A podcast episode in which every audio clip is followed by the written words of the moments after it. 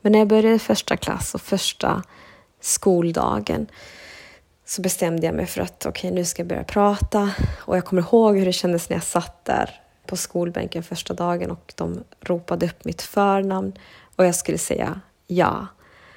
Och det kändes som att hoppa ut från ett berg.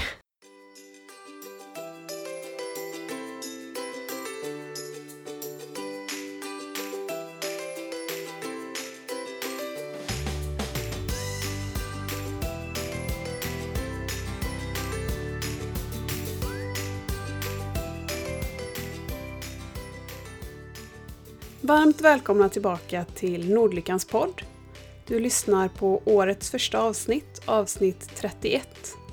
Och jag som pratar, jag heter Emma och jag är fotograf, polis och mamma till ett barn med en flerfunktionsnedsättning, Bästa Vide.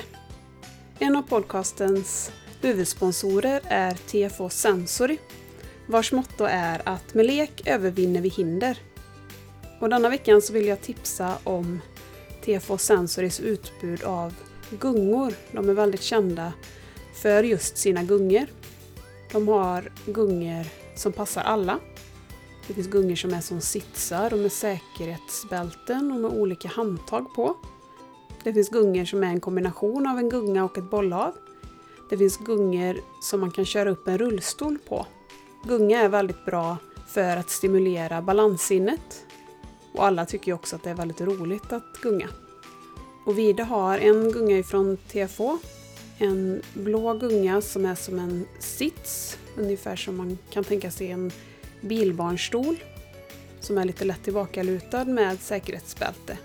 Och i den så kan han gunga högt och fort utan att vi behöver vara oroliga för att han ska trilla av. Och Vide älskar att gunga. Och denna veckan så gästas jag av Maria Borda som är föräldracoach med ett antropologiskt perspektiv. Varmt välkommen! Tack! Vad betyder föräldracoach med antropologiskt perspektiv? Ja, det betyder att jag eh, coachar föräldrar men att jag, eh, jag tittar på föräldraskapet i ett lite större perspektiv. Alltså hur är man förälder i andra delar av världen? Hur har föräldraskapet sett ut genom tiderna? Och tar med det i mina texter om föräldraskap så att man får ett perspektiv på vår tids föräldraskap. Varför gör vi som vi gör? Varför finns de här normerna som finns i det svenska samhället idag? Var kommer det ifrån? Och är det verkligen det enda sättet att göra saker och ting på? Och var kommer det här intresset ifrån? Dels är det ju kanske för att jag har vuxit upp i Sverige men med en annan kultur i bakgrunden. Mina föräldrar är från Bolivia. Alltid liksom kunnat jämföra saker. Jaha, så här gör vi och så här gör man hos mina svenska kompisar. Och finns det någonting som är rätt och finns det någonting som är fel egentligen? Och eh, senare så började jag studera socialantropologi och då fick jag också det här större perspektivet. Vi läste inte så mycket om just föräldraskap, men just att allting kan ifrågasättas egentligen och allting kan sättas i ett eh, världsligt perspektiv. För du driver ju ett Instagramkonto som heter Vilda barn. Mm. Har du någon egen koppling till barn med funktionsvariation? Ja, mitt barn har en språkstörning som heter verbal dyspraxi. Det betyder att det, alltså det är en neurologisk språkstörning som gör att hjärnan inte riktigt samarbetar med, med munnens motorik. Så det är um, uttalssvårigheter. Och sen så skulle jag nog säga att han har men lite svårigheter också med, eh, med att hitta ord, med att komma på vad han ska säga. Så att ja, det är väl en slags funktionsvariation. Ja, absolut. Mm. Och hur skulle du beskriva att man ser på barn med funktionsnedsättning i Sverige? Ja, i Sverige. Jag får nog ändå säga att jag är väldigt, väldigt tacksam att vi bor här. Att jag, jag tror att det varierar mellan olika miljöer. Jag tycker att mitt barns skola har eh, tagit det väldigt, väldigt väl och gett honom rätt sorts stöd tycker jag. Han har aldrig upplevt någon mobbing heller. Utan eh, jag upplever att barnen på mitt barns skola, att deras föräldrar pratar, pratar med dem om att alla är olika och så. Så att jag skulle nog ändå säga att eh, visst, det är ehm, såklart mycket, mycket svårigheter fortfarande när det gäller olika slags funktionsvariationer och vissa mer än andra definitivt. Men jag tycker ändå att Sverige har ändå någon slags grundläggande mål liksom, om att vi ska respektera och tillrättalägga för folk med olika variationer. Även om det inte alltid ser ut så i verkligheten så är det inte som, som i många andra länder där, man, där finns liksom ett enormt förtryck av eh, folk med funktionsvariationer där man inte försöker underlätta för dem överhuvudtaget. Och historiskt, hur har man sett på funktionsnedsättningar i Sverige tidigare? Har du någon kunskap kring det? Nej, det har jag faktiskt inte, inte kunskaper om tyvärr. För jag tänker på det här man pratar en del om eh, institutioner och att barn inte har fått bo hemma och sådär. Jag kan inte så mycket om det själv heller men man, jag tänker ändå att då, synen har förändrats i Sverige mot och att det inte är så jättelångt tillbaka i tiden kanske som man såg lite annorlunda på det. Ja, nej men absolut, absolut. Så var det säkert. Och jag tänker att det fanns kanske inte heller de möjligheterna överhuvudtaget att få att barn med funktionsvariationer skulle få gå i vanlig skola till exempel. Det, det fanns inte kapaciteten till det helt enkelt. Så ja, på ett sätt kan man ändå förstå att det förr i tiden tyvärr blev så. Barn fick eh, gå på specialskolor liksom långt bort från föräldrarna och det är väldigt sorgligt men så såg mm. väl världen ut på den tiden.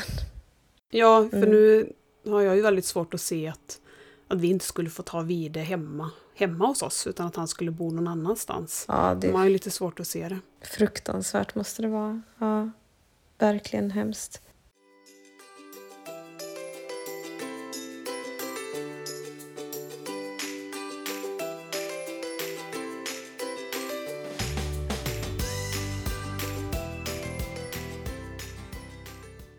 Och vad har du för exempel på hur man ser på barn med funktionsnedsättning i andra kulturer? Ja, det finns ju så många olika, olika tankar kring det i olika delar av världen. Det finns ju både väldigt, väldigt hemska sätt och väldigt positiva sätt. Jag vet att det tills inte för länge sedan, så på spanska, så användes inte ordet liksom funktionsvariationer eller ens funktionsnedsättningar utan ett ord som betyder mindre värda. Alltså det är fruktansvärt att det liksom kan ens finnas sådana begrepp. Men jag vet att det har ändrats nu och att det också finns eh, liksom rörelser med människor med funktionsvariationer som, som kämpar för sina rättigheter och så. Men eh, i många kulturer så har, till exempel om vi tänker på nomadiska kulturer som har alltså konstant färdats, så har det ibland handlat om hela gruppens överlevnad och där har man helt enkelt inte kunnat ha barn med eh, väldigt svåra funktionsnedsättningar. Till exempel alltså, alltså barn som, som behöver hjälp för att förflytta sig eller andas eller, eller så har man ju inte kunnat liksom stanna kvar och ta hand om dem. Och där har man tyvärr tvingats lämna dem för att resten av gruppen liksom ska kunna överleva. Så det är sånt som människor har tvingats göra genom historien. Och det är väldigt, väldigt sorgligt. Men eh, sen så finns det ju också positiva exempel.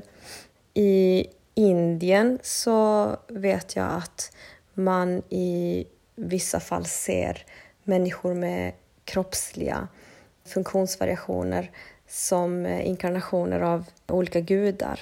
Till exempel ja, men gudar som har så flera armar eller elefantguden Ganesha. Om människan liksom har någon sån här kroppslig, eh, ja något, något som skulle kunna påminna om den guden till exempel. Mm. Och det verkar ju finnas någon, någon slags acceptans för sådana såna här kroppsliga olikheter. Jag vet att jag såg en, en indisk Bollywoodfilm och det var en, en jättesnygg manlig skådespelare, så här, verkligen hjälten i filmen. Och så plötsligt så ser jag att han har sex fingrar. Och jag tänkte, om det hade varit i, i liksom Hollywood så hade han ju säkert opererat bort det där eh, sjätte fingret. Det hade inte synts i filmen i alla fall. Men, men här var det som att de visade upp det. Liksom. Ja, han har det, det här extra fingret och, och det verkar inte vara någon, någon big deal eller, eller så. Så det var ganska intressant tycker jag. Mm. Mm. Men eh, om vi pratar om så här, eh, det som kanske skulle kunna kallas för det med neurologiska eller vad heter det, NPF? Ja, neurologiska ja, precis. Så vet jag att det i, i många kulturer har har liksom sett som någonting positivt istället. Att barn som kanske hade hamnat inom autismspektrat kan få någon slags roll som medicinmän eller som shamaner för att de ja, men anses ha en extra känslighet kanske som behövs för att ja, men kunna liksom nå andra dimensioner eller andra världar. Så i vissa kulturer kan det ses som, som positivt. Och även sånt som eh, epilepsi till exempel. Det finns en, en känd antropologisk bok som heter The, äh, heter den? The Spirit Catches You and You Fall Down. Den handlar om en familj som tillhör mångfolket i Vietnam. Det är ett, ett eh, folk i norra Vietnam, Kina, Laos en minoritet och många av dem eh, bor i USA. En flicka, en flicka i den familjen har svår epilepsi och får väldigt svåra sådana här anfall. Och ehm, enligt den amerikanska vården då så ska hon ju såklart medicineras och, och få väldigt, väldigt starka mediciner som som gör att hon inte får, får de här utbrotten men som dessutom, som jag har för mig att de här medicinerna också gör någonting med henne, att de typ stänger ner henne på något sätt och gör henne väldigt passiv. Hennes familj är väldigt emot det för att i deras kultur så under de här epilepsianfallen så hamnar hon i en annan värld och, och de ser henne alltså som, som en shaman, alltså att hon är upphöjd liksom. Så att den här liksom klaschen mellan den här familjen som inte vill medicinera dottern, som vill ta hand om henne hemma och det amerikanska vårdsystemet som vill ha henne på sjukhus och ge henne mediciner. Ja, så det är rätt intressant tycker jag. Jag har någon föreställning om att man i vissa kulturer gömmer undan barn med funktionsnedsättning. Mm. Är det en fördom eller Nej, men det tror jag. Det? Ja, men det tror jag absolut. Det tror jag absolut kan eh, hända i många, många kulturer att det kan ses som en skam att ha ett barn med funktionsvariationer. Att det är någonting man inte direkt vill eh, visa upp och så. Tyvärr är det nog så. Sen beror det såklart på vilka, vilka typer av funktionsvariationer men, men jag tror att det är väldigt vanligt faktiskt.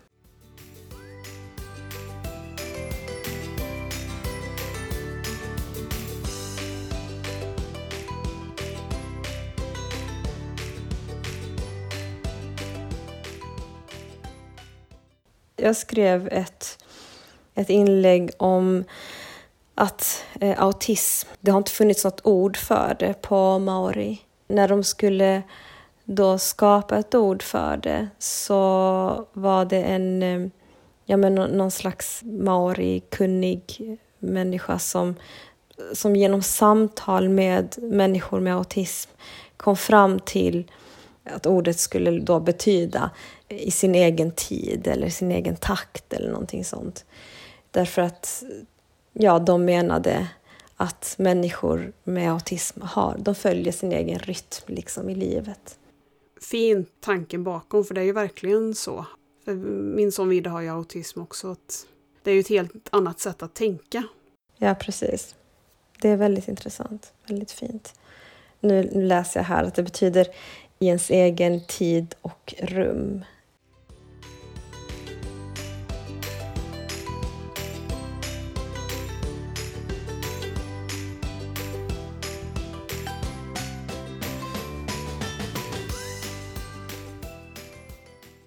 I övrigt kring föräldraskap, när du delar hur man gör i andra kulturer, vad är det folk reagerar starkast på?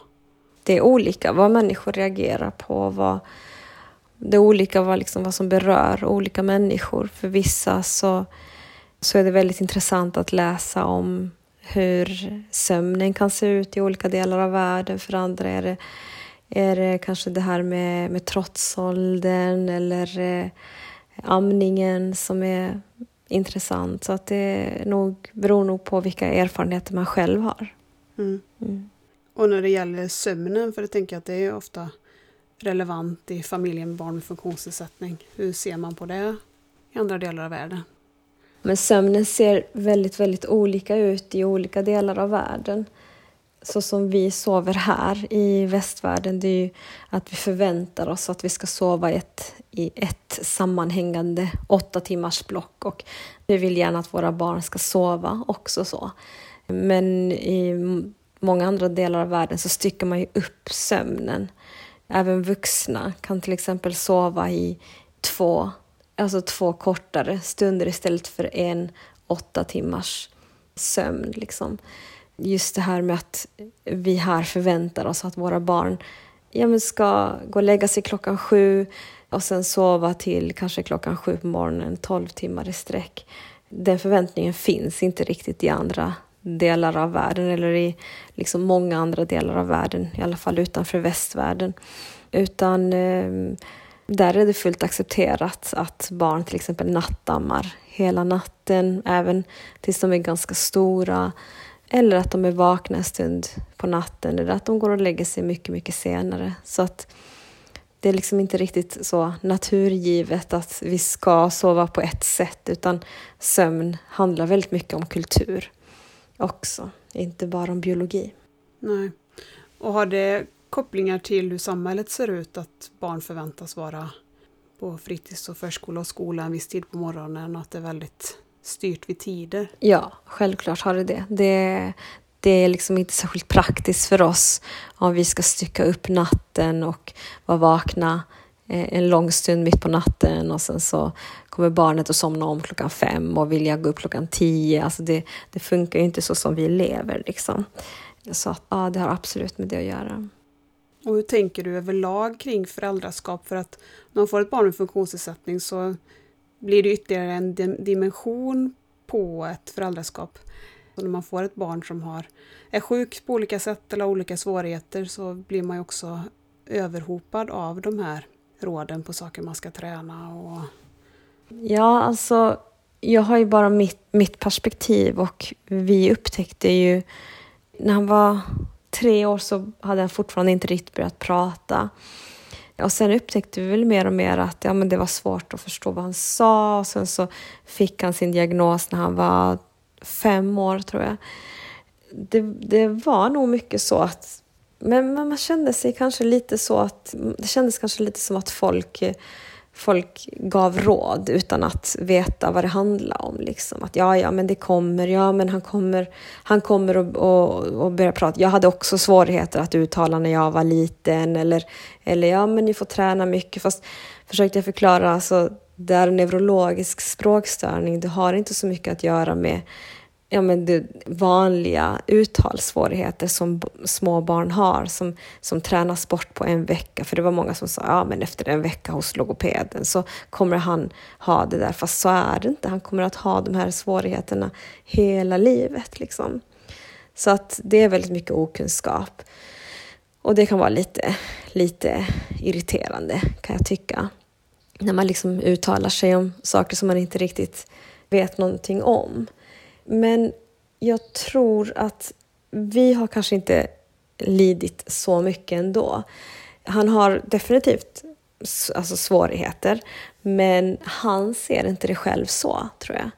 Kanske för att han har hamnat i en så accepterande miljö. Han har kompisar, han har ingen som, som det går bra för honom i skolan. Det är, liksom, det är ingen som retar honom eller så.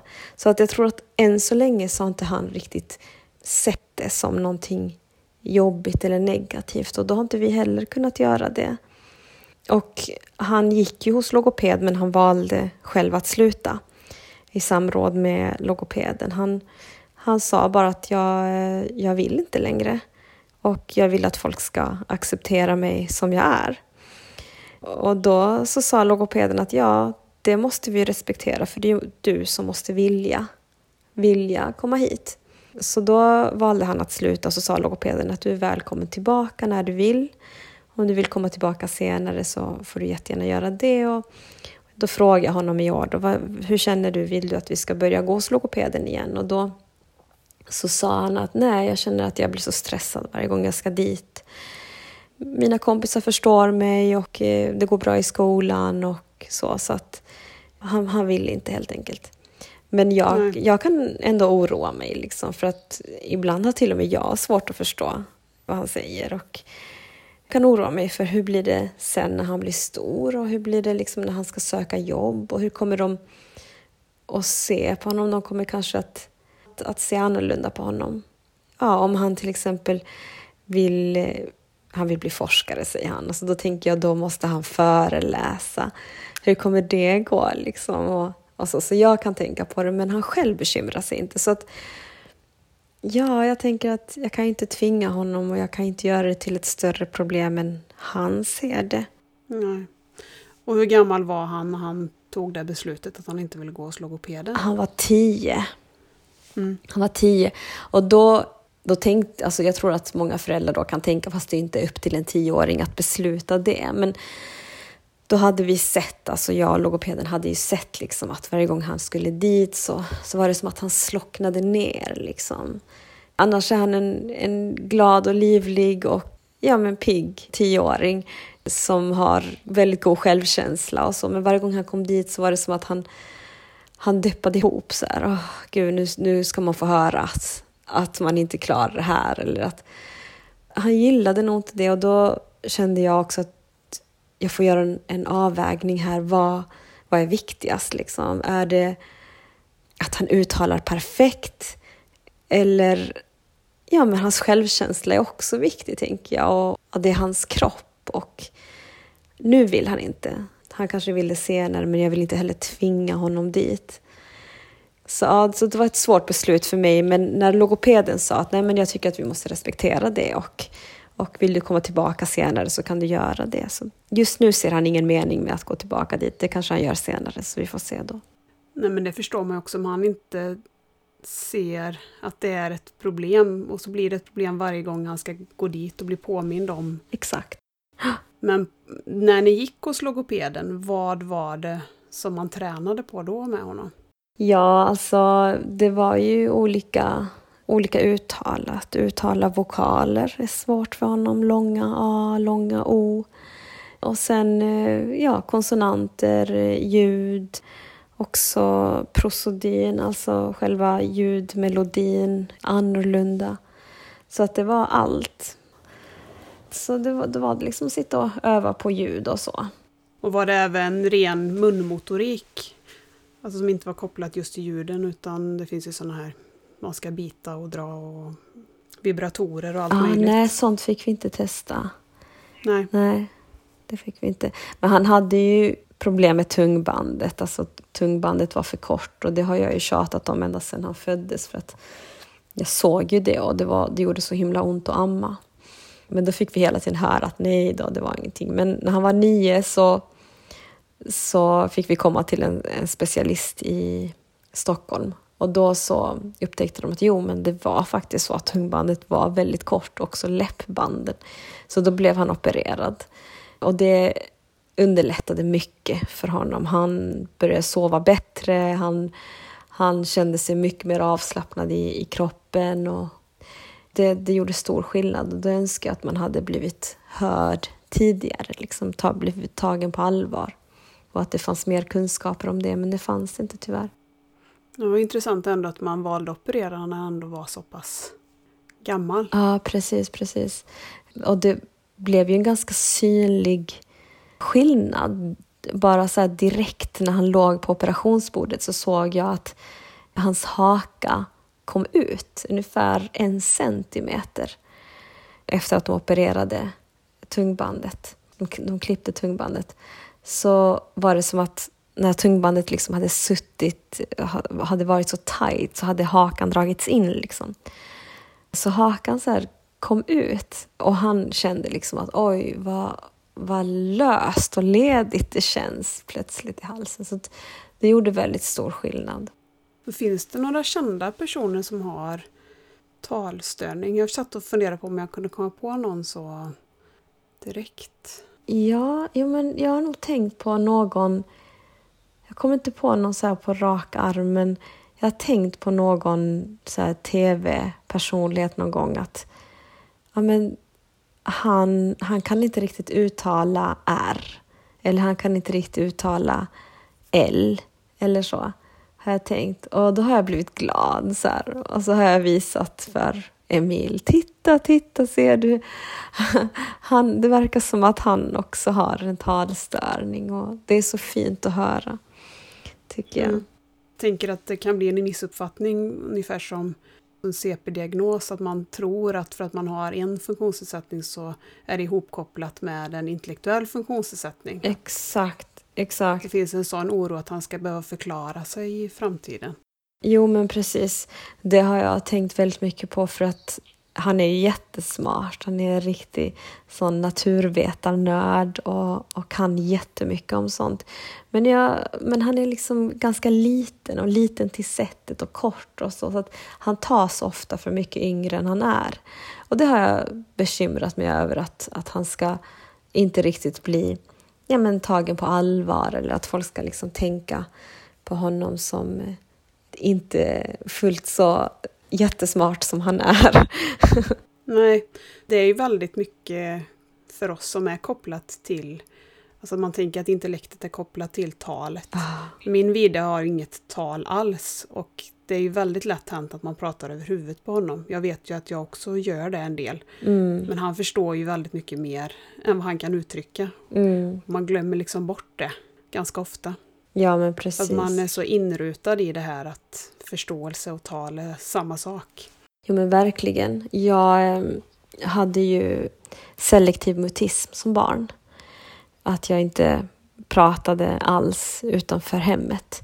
Och det minns jag väldigt tydligt. Alltså, under hela förskoletiden så, så var det vissa förskollärare som pratade över mitt huvud och som, och som kunde säga rätt elaka saker. Liksom. Det antar jag att man kanske inte skulle göra nu, men det här var ju tidigt 80-tal. Som kunde säga rätt elaka saker och, och jag, det byggde upp en sån ilska inom mig. Liksom, för att, hallå, jag förstår vad ni säger. Och jag kunde ju läsa och skriva väldigt tidigt också. Så eh, jag var inte överhuvudtaget dum, liksom. Men jag blev ofta behandlad som det. Och det var en väldigt jobbig känsla. Mm. För jag har fått berättelser till mig där de stammar, att det blir lite samma. Att man också kopplar ihop det med, med en intellektuell funktionsnedsättning, att man har svårt att få fram orden. Mm, precis. Ja, men jag stammar på spanska. Aha. Väldigt mycket. Mm. Men eh, inte så mycket på svenska.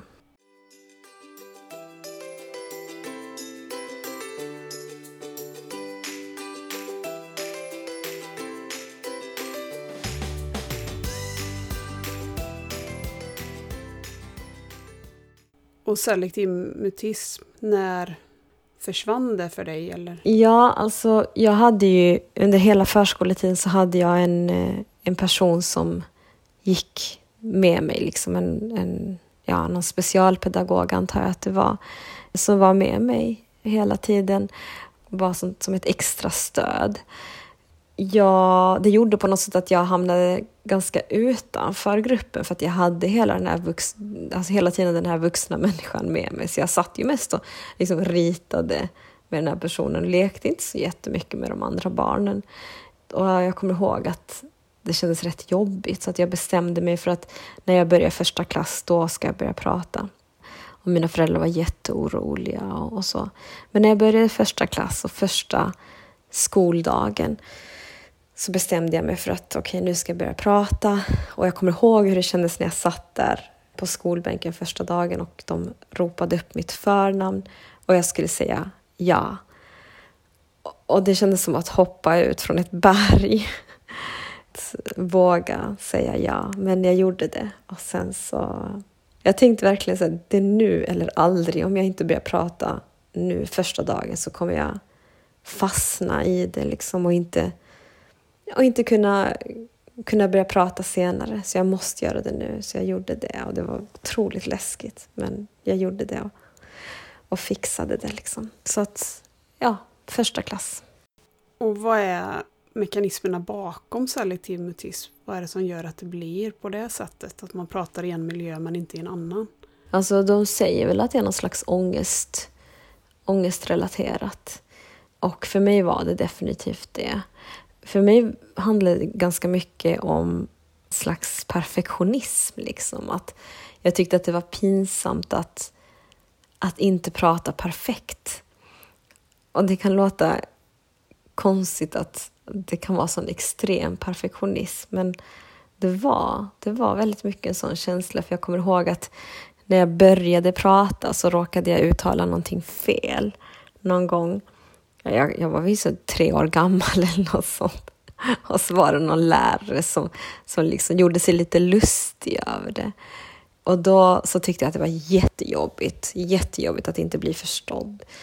Så sen när vi bytte förskola, jag var tre och ett halvt, så då tänkte jag nej, jag vill inte att folk ska skratta åt mig, hur, åt hur jag pratar eller så. Väldigt lättkränkt treåring tydligen. Ja. så, för jag tänker, jag har ju en, en treåring här hemma och vi gör ju så hela tiden för hon säger ju massa lustiga aha, saker. Aha. Som vi tycker är charmiga och härmar henne. Försiktigt, försiktigt. Ja, precis. Jag, tänkte, jag satt och tänkte det, att du får vara försiktig med.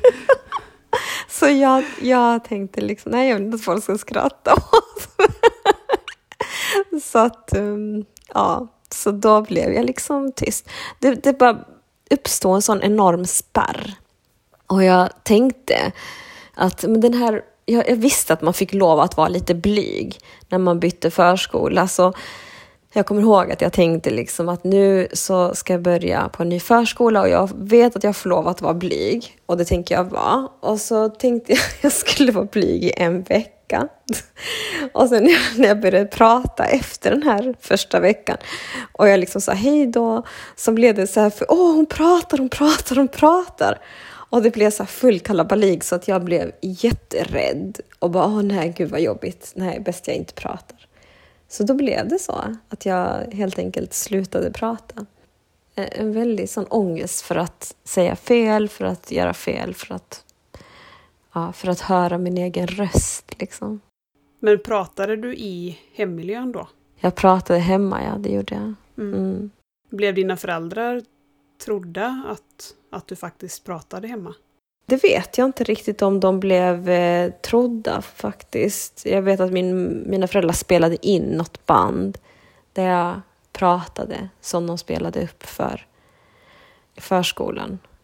Vilket jag tyckte var jättehemskt. Men eh, det gjorde de.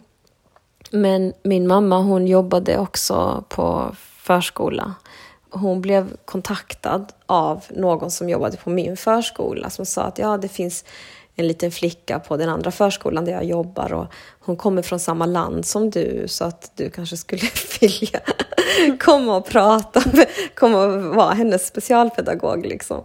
Och min mamma bara, vem är det? Och så sa hon mitt namn då och sa, ja men det är ju min dotter liksom. Jag fick en annan specialpedagog.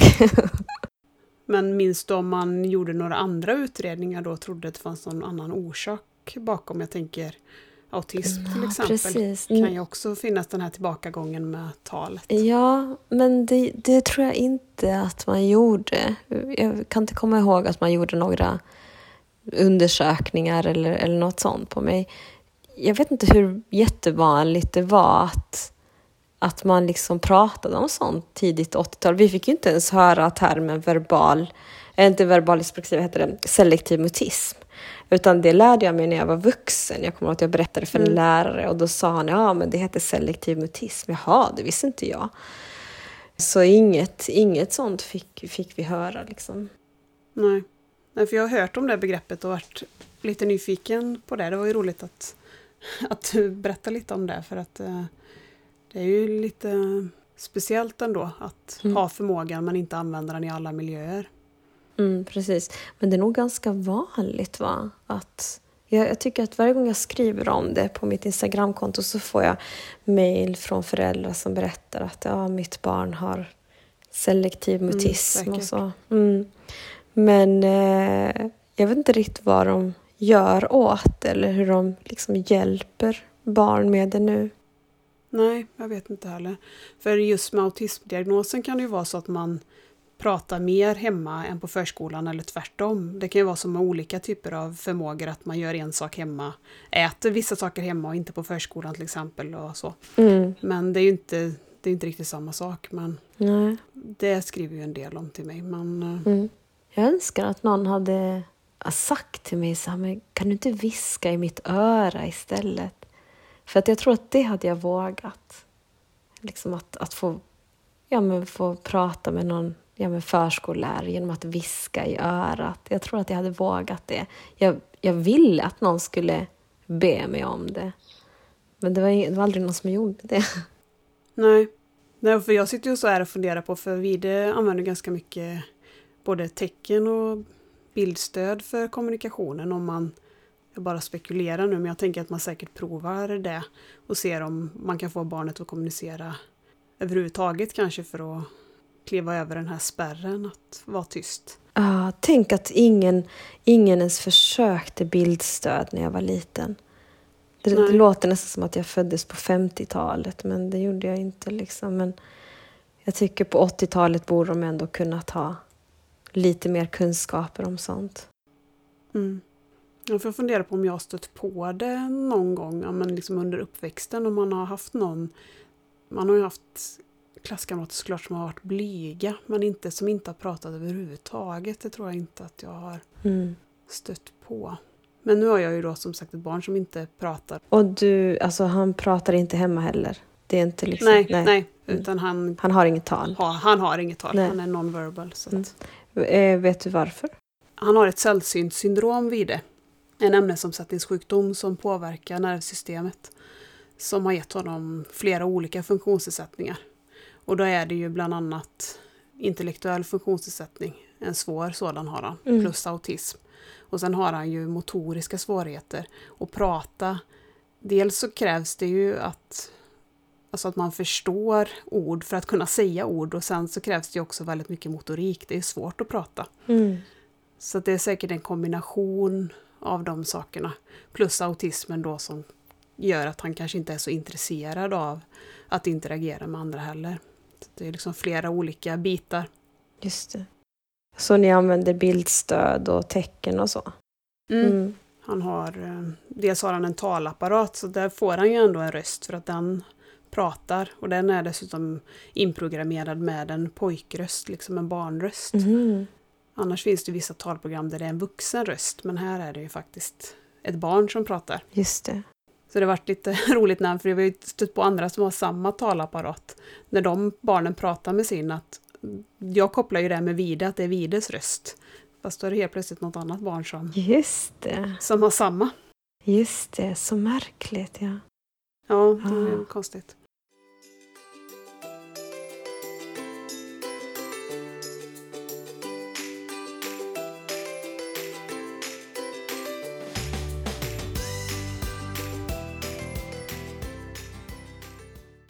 Vad säger man? Säger man språkstörning eller talstörning? Ja, man kan nog säga båda Det talstörning. kanske heter båda. Ja. Mm. Mm. Nej, för just det du sa, verbal dyspraxi, just det tror jag inte, det begreppet har jag nog inte hört innan. Nej. Mm. Jag vet inte om det finns olika typer av språkstörning. Ja, jo men det finns det. Det finns många Mm. olika typer. Mm. Jag kan inte så mycket om olika språkstörningar. Jag kan om verbal dyspraxi eller ver- verbal apraxi kallas det för ibland. Mm. Men för jag, Vide fick ju språkstörningsdiagnos först. Men han har ju aldrig haft något tal, så att man har ju inte haft ett tal att Nej, bedöma. Men man sätter väl det kanske först då istället för intellektuell funktionsnedsättning tror jag.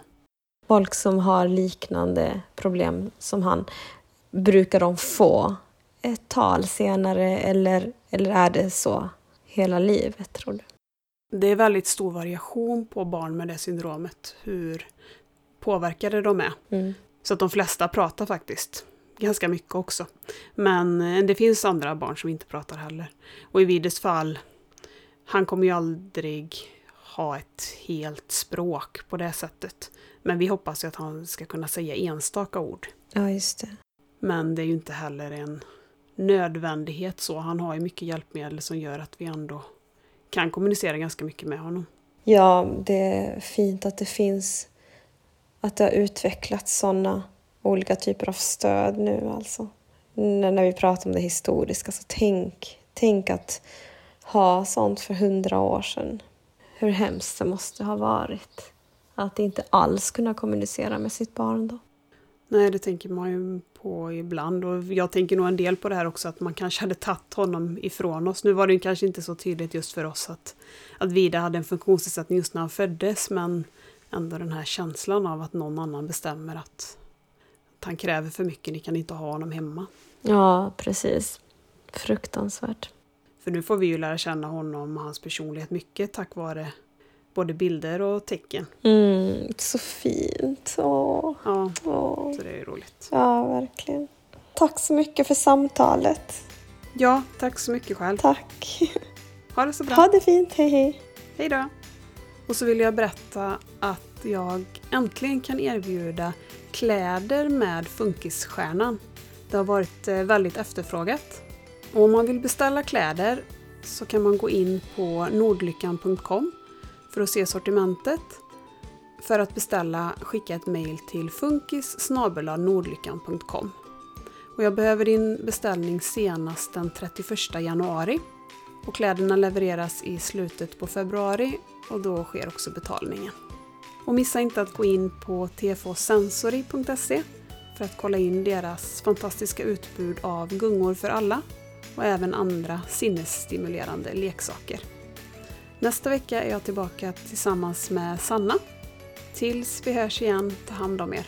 Puss och kram!